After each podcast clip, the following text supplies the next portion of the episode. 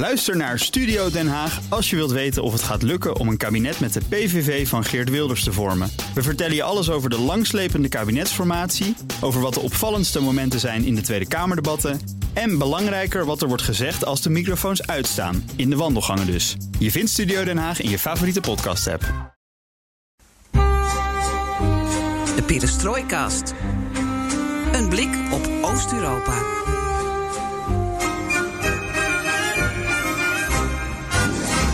Welkom bij weer een nieuwe aflevering van Perestrooi Quarantaine. Aflevering nummer 10 van deze coronaspin-off... waarin we kijken naar de impact en het effect van de coronacrisis op onze regio.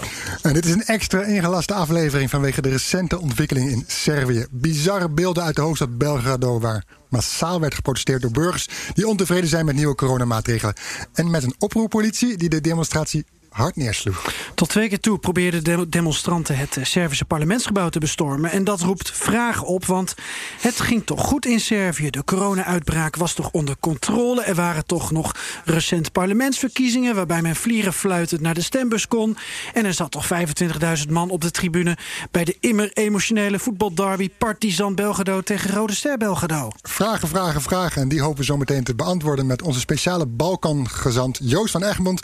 en met Fabian Vendrich, inwoner van en schrijver te Belgrado.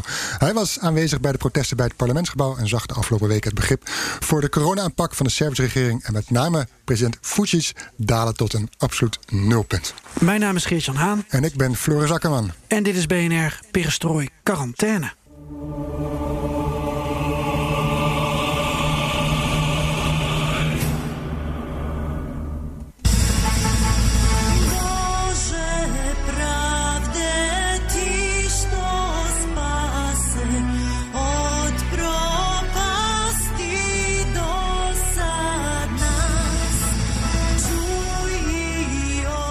Ja, het volkslied van Servië.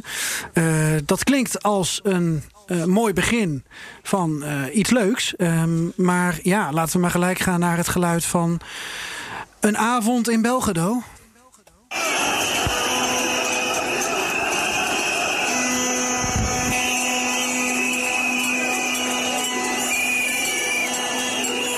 Ja, Fabian, dit is een filmpje dat jij hebt gemaakt in Belgrado bij jou in jouw stad. We zagen ineens beelden voorbij komen op sociale media die jij met ons deelde. Een protest bij het parlementsgebouw van Belgrado dat groter en groter werd en eindigde in geweld.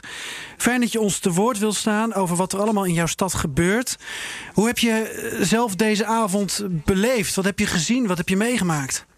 Nou, het begon eigenlijk met uh, de live televisieuitzending uh, van Alexander Vucic, de president van Servië, die nieuwe coronamaatregelen aankondigde. En um, mensen werden behoorlijk uh, boos eigenlijk. En er, er ontstond een uh, ja, spontaan protest. En ehm, mijn vrouw die, die zei van, werd door een vriendin uitgenodigd om naar het protest te gaan.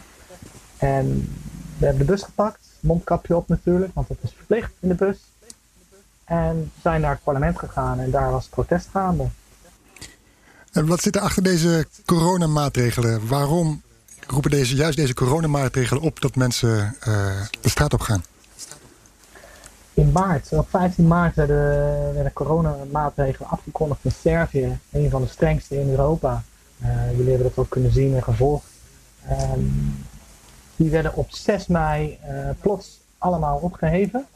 En toen uh, ja, nam het leven in Servië eigenlijk weer zijn normale beloop.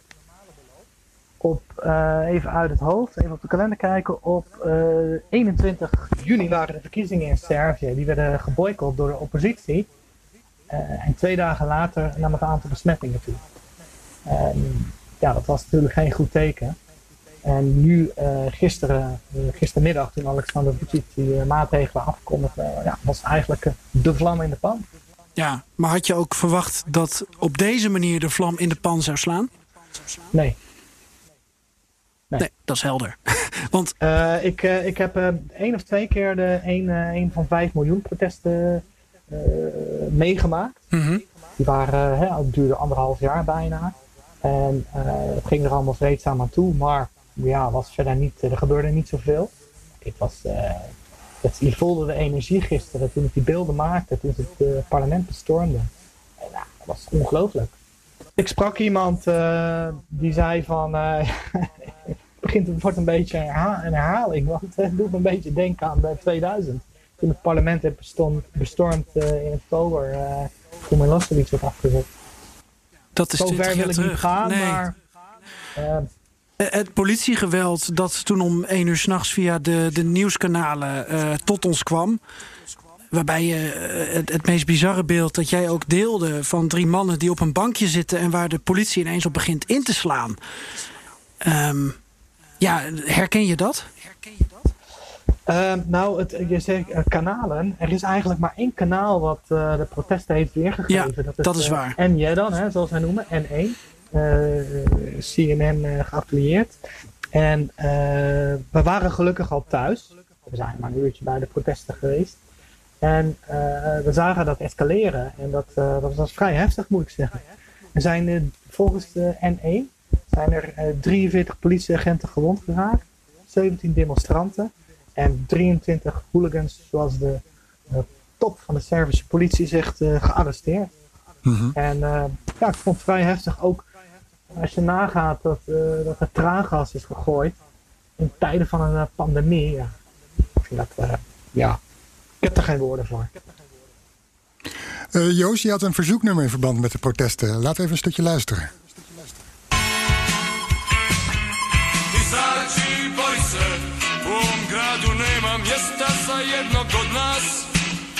Visači, boj se, ulica je prazna, ali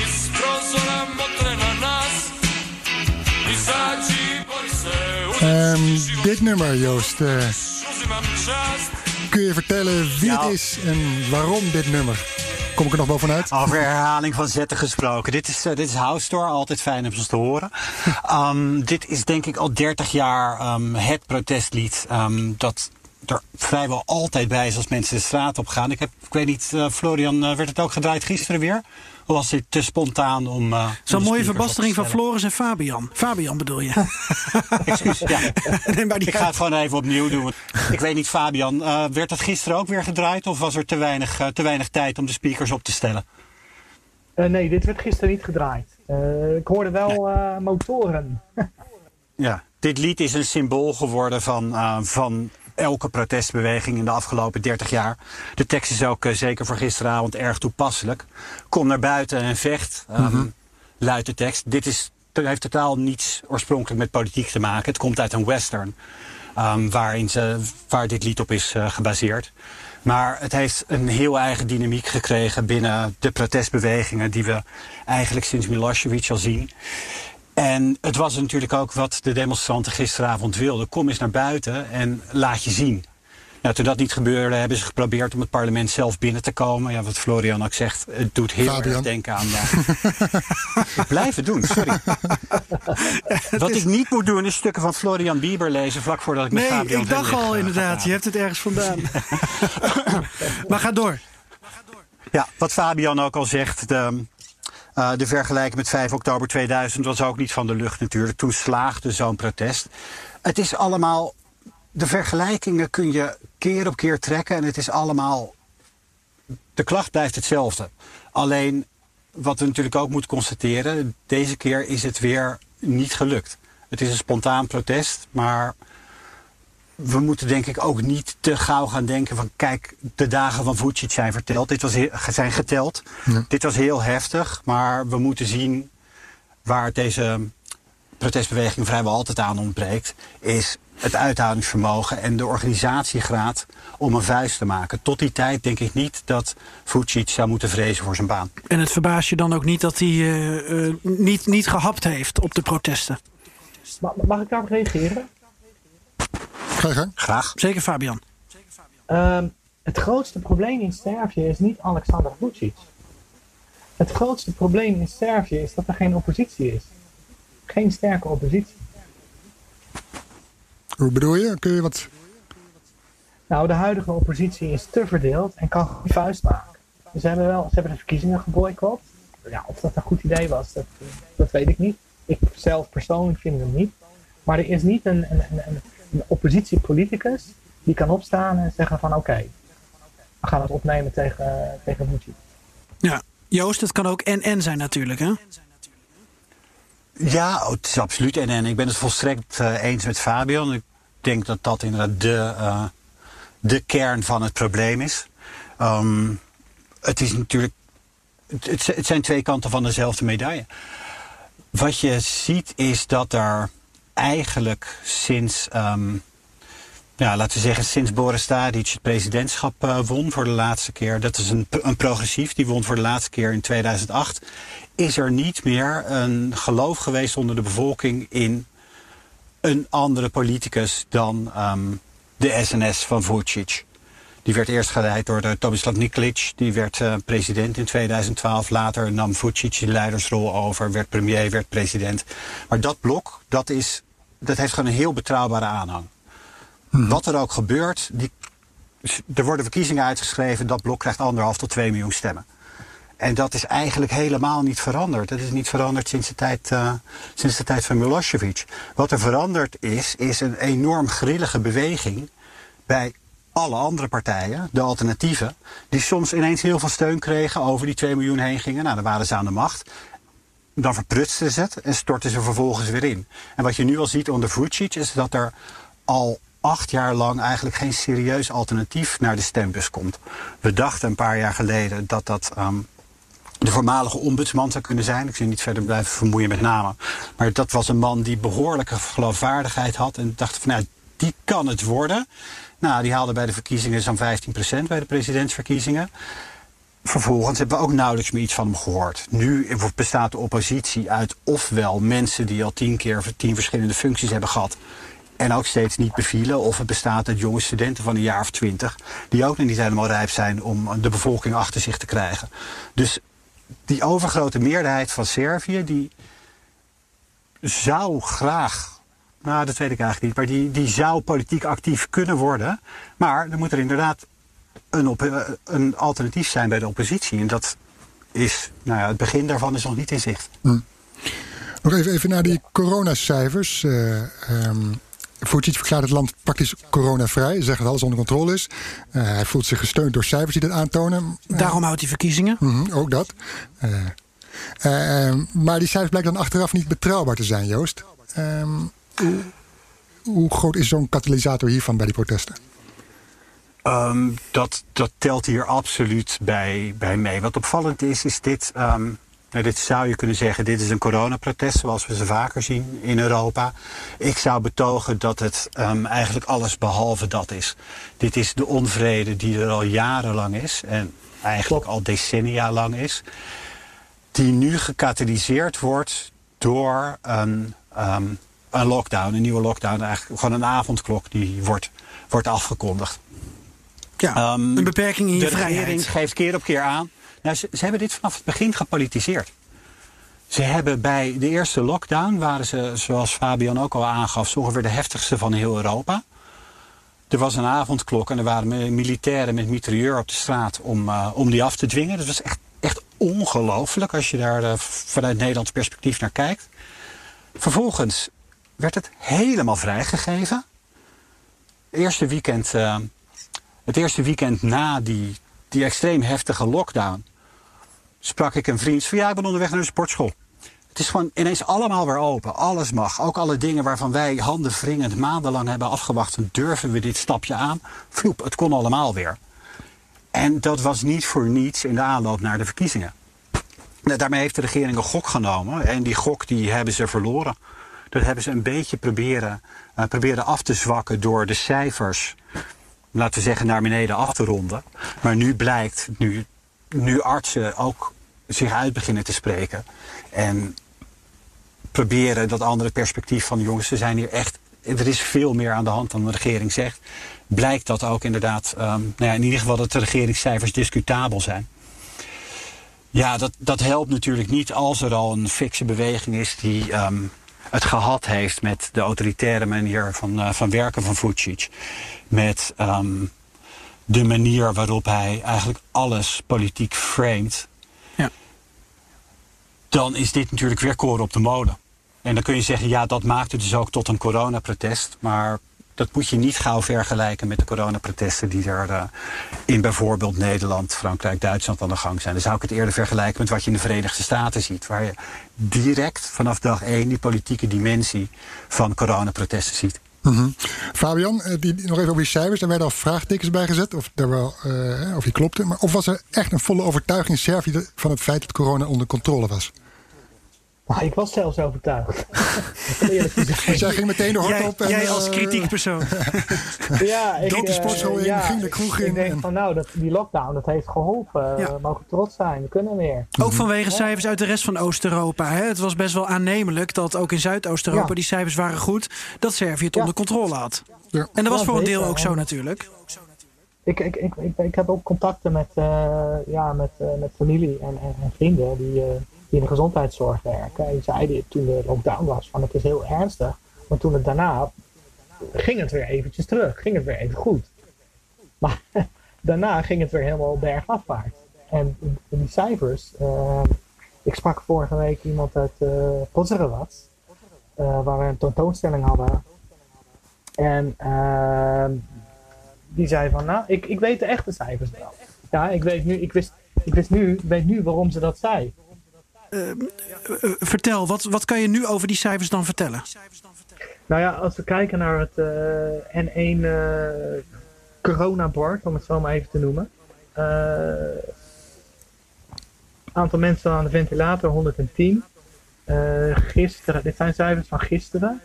Eh, gisteren zijn er 8287 mensen getest, waarvan 299 positief. Dus 3,61 procent. Eh, vanmiddag om drie uur komen er weer cijfers. En ook zal Alexander Vucic weer een uh, televisietoespraak gaan houden. Ja. Ook om drie uur. Mhm. Uh, frappant is namelijk, we hebben het nu al over een lockdown. Maar ik weet nog steeds niet welke maatregelen er zijn. De geruchten gaan dat het van vrijdagmiddag 5 uur tot uh, maandagochtend 5 uur is. Ja, dus weer een weekend lockdown. Maar het is nog niet bevestigd. En wat, heel wat nog, nog veel meer frappant is, de, de viroloog, uh, de leidende viroloog hier in uh, Servië, meneer Kon, die zegt nu weer dat de situatie verbeterd is. Ja. Dus ja, en ik ben het eens met Joost. Dit gaat al lang niet meer over corona, dit protest. En, maar mijn vrouw te quoten, dit gaat over heel veel meer. Uh, de Serviërs zijn het gewoon zat dat er met ze wordt gespeeld. Want dat is wat er ja. gebeurt. Joost, we kijken even, we, we zoomen uit vanuit uh, en proberen de wereld even bij te betrekken. Er speelt ook geopolitiek het een en ander. Uh, Vucic heeft een drukke agenda deze weken. Topontmoetingen met Macron, Poetin, EU. Um, uh, vredesplan op de Balkan, een pak met Kosovo. Is hij wel met zijn hoofd in Belgrado en heeft men hem daar niet meer nodig? Um, poeh. Een moeilijke vragen stel je toch ook altijd. Even denken. die vraag um, hij heeft inderdaad is opgeschreven door mijn rechterhand. Ere wie ere toekomt. hij is een loeiend drukke agenda, zeker. Rechterhand is ook niet correct. Um, Sorry. Ik, ik, vraag me af of uh, meer bemoeienis en meer zichtbaarheid van Vucic op dit moment is wat Servië nodig heeft om de coronacrisis onder controle te houden. Want er is denk ik geen Serviër meer die, um, die nog gelooft dat wat, wat, wat Vucic zegt over corona, dat dat uh, puur medisch onderbouwd is. Ik denk dat iedereen nu um, aandacht heeft voor de politieke dimensie van um, de rapportages over corona. Mm -hmm. En los van hoe groot die is, kun je eigenlijk um, Serviërs altijd wel vertrouwen, en dat is ook met reden, om die rol heel groot te zien. Kijk, er komen nu de, het wantrouwen is zo groot dat Vucic eigenlijk denk ik niet zo heel veel meer zinnigs kan doen in de bestrijding van die coronacrisis. En hetzelfde geldt voor zijn premier, Anna Brnabic, ja. die naar een van de grote brandhaarden is geweest en daar um, berichten van, van artsen die wanhopig riepen van we hebben te weinig van Zelfs vitamine C hebben we te weinig van. Dat deed ze af als fake news. Kijk, dat soort mensen, dat zijn dan dus ook niet degenen die nu um, denk ik, vertrouwen kunnen herstellen door daadkrachtig op te treden en eh, lockdowns af te kondigen. Ik denk dat er nu echt zou moeten komen van het, eh, het middenveld van betrouwbare, betrouwbare vakmensen uit de geneeskunde. Ja. Die dat vertrouwen kunnen gaan herstellen en die een paar zinnige maatregelen kunnen treffen. En vooral ook een midden vinden tussen die, die Servische inst- instinctieve reactie van een superzware lockdown en daarna totale vrijheid en er nu weer superzwaar optreden. Daar moeten ze vanaf als ze iets willen van een geïnformeerde bevolking die beredeneerd met risico's omgaat. Eigenlijk naar zo'n intelligente lockdown zoals het hier wordt genoemd toe. Want dat lijkt mij wat nodig is. Medisch weet ik daar helemaal niets van, maar maatschappelijk kan ik dat denk ik wel enigszins inschatten. Maar wat Joost- er nodig is om in ieder geval bij de bevolking dit onder controle te krijgen. Ik, kom op je vraag. Ja. Ik, Ja. ik Dus vind- Vucic ja. zou eigenlijk zich zoveel mogelijk in het buitenland moeten gaan bevinden, lijkt mij. Dat Ja. is volgens mij voor, de, Maar Nou, voor de beheersing van corona het beste. Dan kom ik er gelijk met een vervolgvraag overheen voor jou. En dan mag Fabian daar ook eh, graag op inhaken eh, vanuit Belgrado. Want er zijn net eh, parlementsverkiezingen geweest in Servië. En eh, wat wij dan zien en wat onze luisteraars dan zien en van ons horen, is de partij van de premier en van de president eh, wint met enorme overmacht de verkiezingen. Als er zoveel woede is tegen die mensen, tegen die kopstukken, waarom winnen ze dan zo makkelijk verkiezingen? Wat speelt daar? Hoe kan dat? Fijn, dan kan ik inhaken op wat ik eh, helemaal in het begin uitlegde. Heel goed. Dat komt door een, een rotsvaste, betrouwbare achterban van 2 miljoen man. Er komen verkiezingen, die lopen naar het stemvakje en die kruisen sms aan. Dat doen ze elke keer. Oké. Dat is ongeveer ehm 30% van de bevolking. Van de stemgerechtigden. Wat je ziet is dat die andere 70% die stemt niet op iets anders. En het belangrijkste daarbij is de, de politiek afgehaakten, zoals ik ze altijd noem. Ehm, dat is nou, echt een fix percentage van de bevolking, 45 à 50 procent vaak. En die stemmen niet meer. En wij kennen dat als een ehm, beweging aan de randen van de politiek. In Nederland, mensen die niet stemmen, die hebben een politiek extreme mening over het algemeen. In Servië is het juist die middengroep.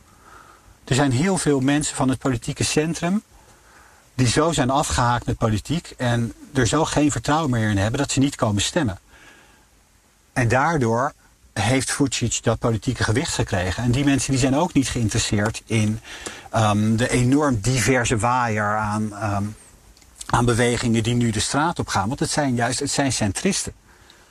Die hebben niet zoveel op met een eh, protestbeweging als net Davin Beograd of met een, ehm, een aardsconservatieve beweging als Dveri. Die zoeken juist een centrumkandidaat, zoals bijvoorbeeld eh, Boris Tadic vroeger voor ze was. Daar stemden ze wel op. Maar daar zijn ze nu zo op afgekeken, op uitgekeken en ze hebben geen alternatief. En doordat zij thuis blijven, kan Vucic met het grootste gemak elke verkiezing winnen. Nou, die 2 miljoen, dat blok waar Ik- Vucic op steunt. eh, kom zo bij je terug, hoor, Fabian. Waarom kiezen zij zo voor Vucic? Wat houdt hen daar zo aan, aan hem vast? Hij doet vrij goede dingen voor ze. Dit zijn eh, conservatieve mensen. Ehm, licht nationalistisch, dat is heel lastig met die label. Maar chauvinistische, Patriotistisch. conservatieve Serviërs. Eh, waar die mensen in geïnteresseerd zijn, is dat ehm, de naam van Servië internationaal hoog wordt gehouden. Dat het land niet verkwanseld wordt. Nog veel meer zijn ze geïnteresseerd in banen en pensioenen. Nou, dat loopt.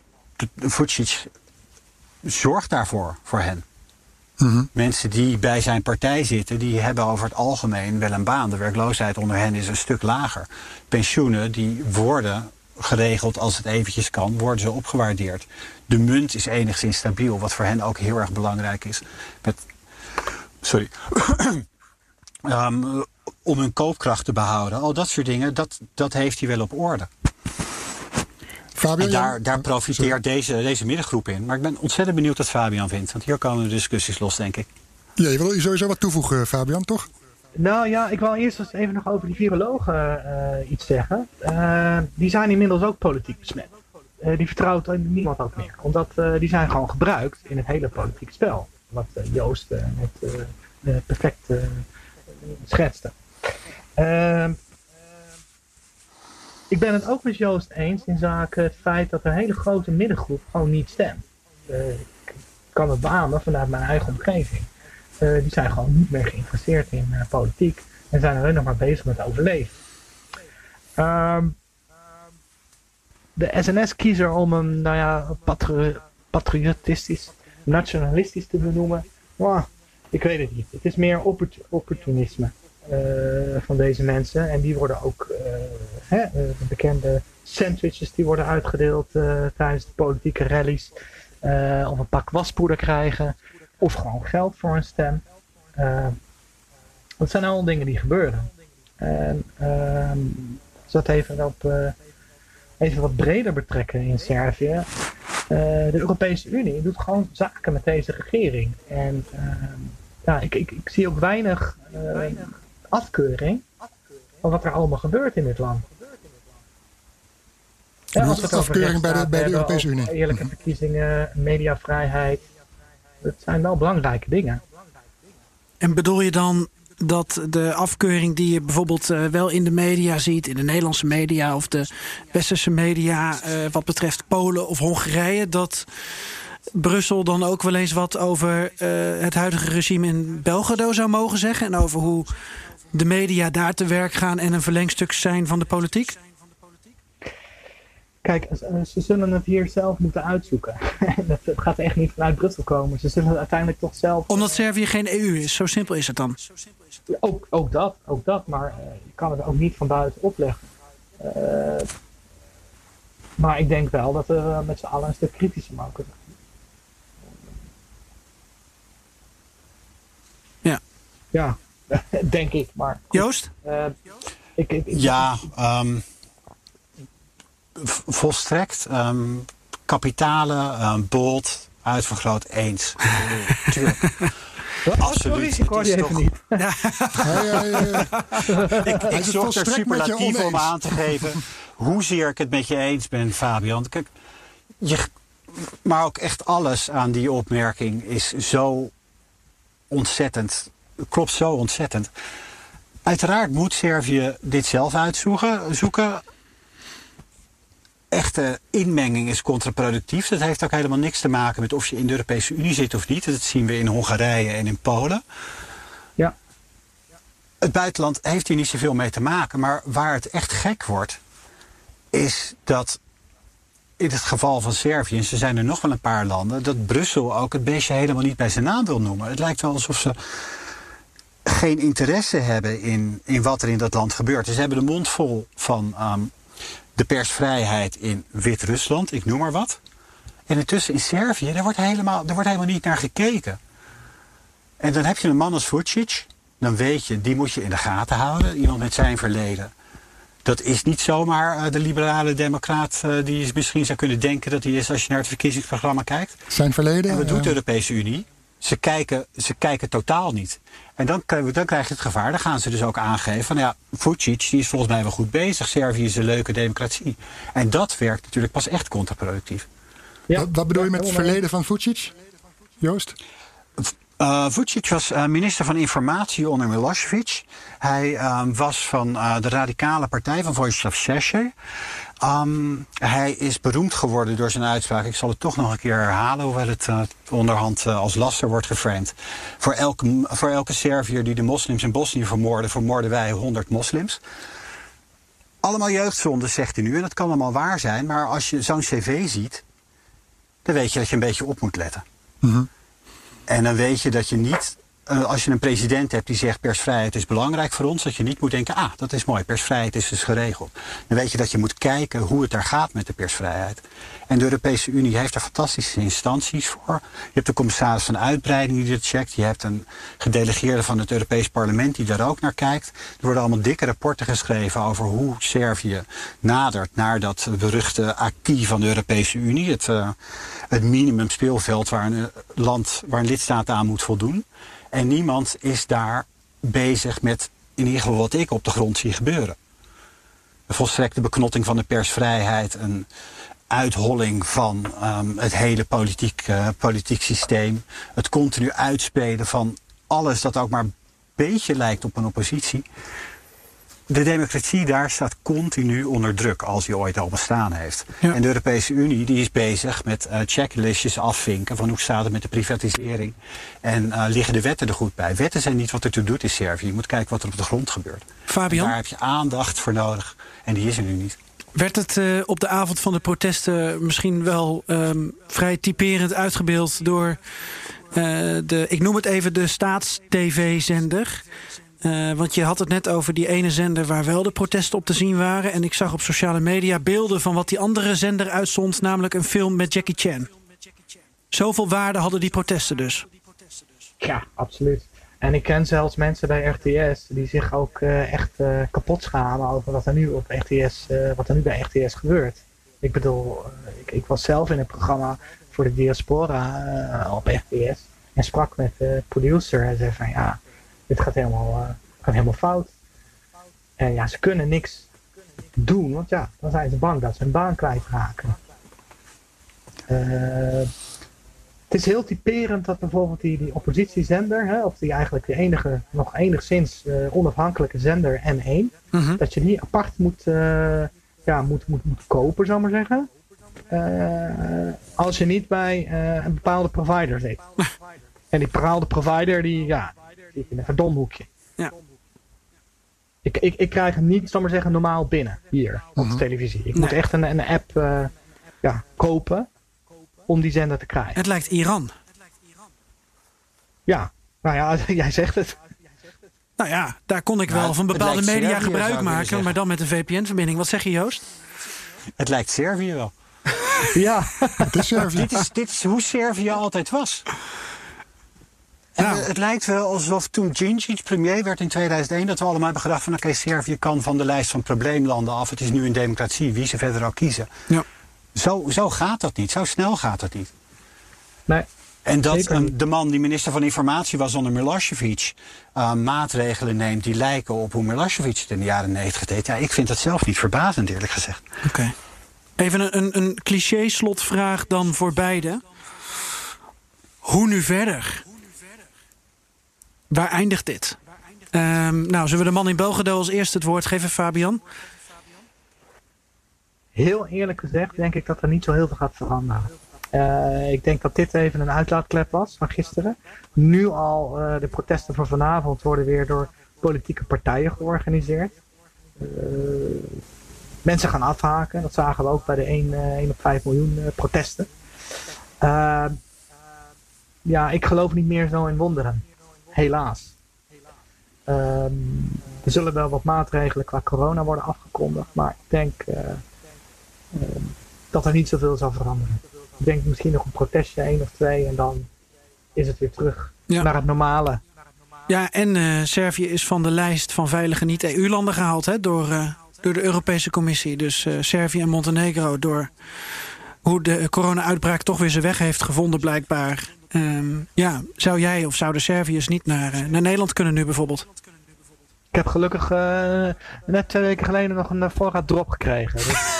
Dus We zullen je weer wat opsturen. Laat maar weten als, het, eh, als je me hebt. Oh, ik, eh, en hagelslag. het is dat ik Joost heb beloofd om nog wat te zeggen over hoe nu verder. Anders had ik gezegd, fantastisch einde. Nee, ik zou het graag Fabian Joost? die drop komen brengen. Ja, ja. En zou je dat... eh, Ja, je bent In het kader, categorie klein, klein coronaleed. Ik ben dus al maanden Servië niet in geweest. Nee, jouw pruimen. En dat is voor iemand als ik best wel wat. Ja. Ja, ja, ja. Ehm, ja, het, het kan even niet. Over een paar weken, ehm, ja, hoe het dan met corona staat, dat is echt niet te voorspellen. Is En Vucic? Niks over Nee. te zeggen. Vucic, Vucic zit er over een paar weken nog. Ja. Dat is het altijd. Over een paar weken zit hij er zeker nog. Over een paar jaar zit hij er zeker niet meer. En eh, bepaal maar waar daartussen er iets gaat gebeuren. Ik ga het echt niet voorspellen. Het is niet te doen. Deze protestbeweging zal doorgaan. Ehm, deze, ik bedoel, de huidige golf die, ehm, die kabbelt weer weg. En dan komt er weer een nieuwe golf. Denk ook nog wel zeker dit jaar ergens. Om een reden die we nu nog niet voorzien. En ooit lijkt mij dat zo'n golf een keer sterk genoeg is om, om echt beweging te krijgen in de Servische politiek. Maar wanneer, joh, dat, eh, dat durf ik je niet te zeggen. Dan hangen we weer bij jullie aan de lijn. eh. Ja, ik zou zeggen, start, eh, het, eh, het, het, het treurige afsluitende muziekje maar, eh, Floris. Want we kunnen er even niks meer van maken. Ik vind het echt treurig. Nee? Nou, het begint altijd een beetje zo. Dan hoor je de Ja, vogeltjes. maar daarna. En Joost denkt dan van, Opgesleept. oh, ik, ik heb alweer zin om naar Servië te gaan. En Fabian denkt, gelukkig heb ik me drop en ooit kan ik weer naar Nederland. En tot die tijd eh, veel sterkte allebei. En dank voor jullie duiding. Joost van Egmond en Dank Fabian. Vendrig. Dank jullie. Graag gedaan. Gevala man. Valawama. Van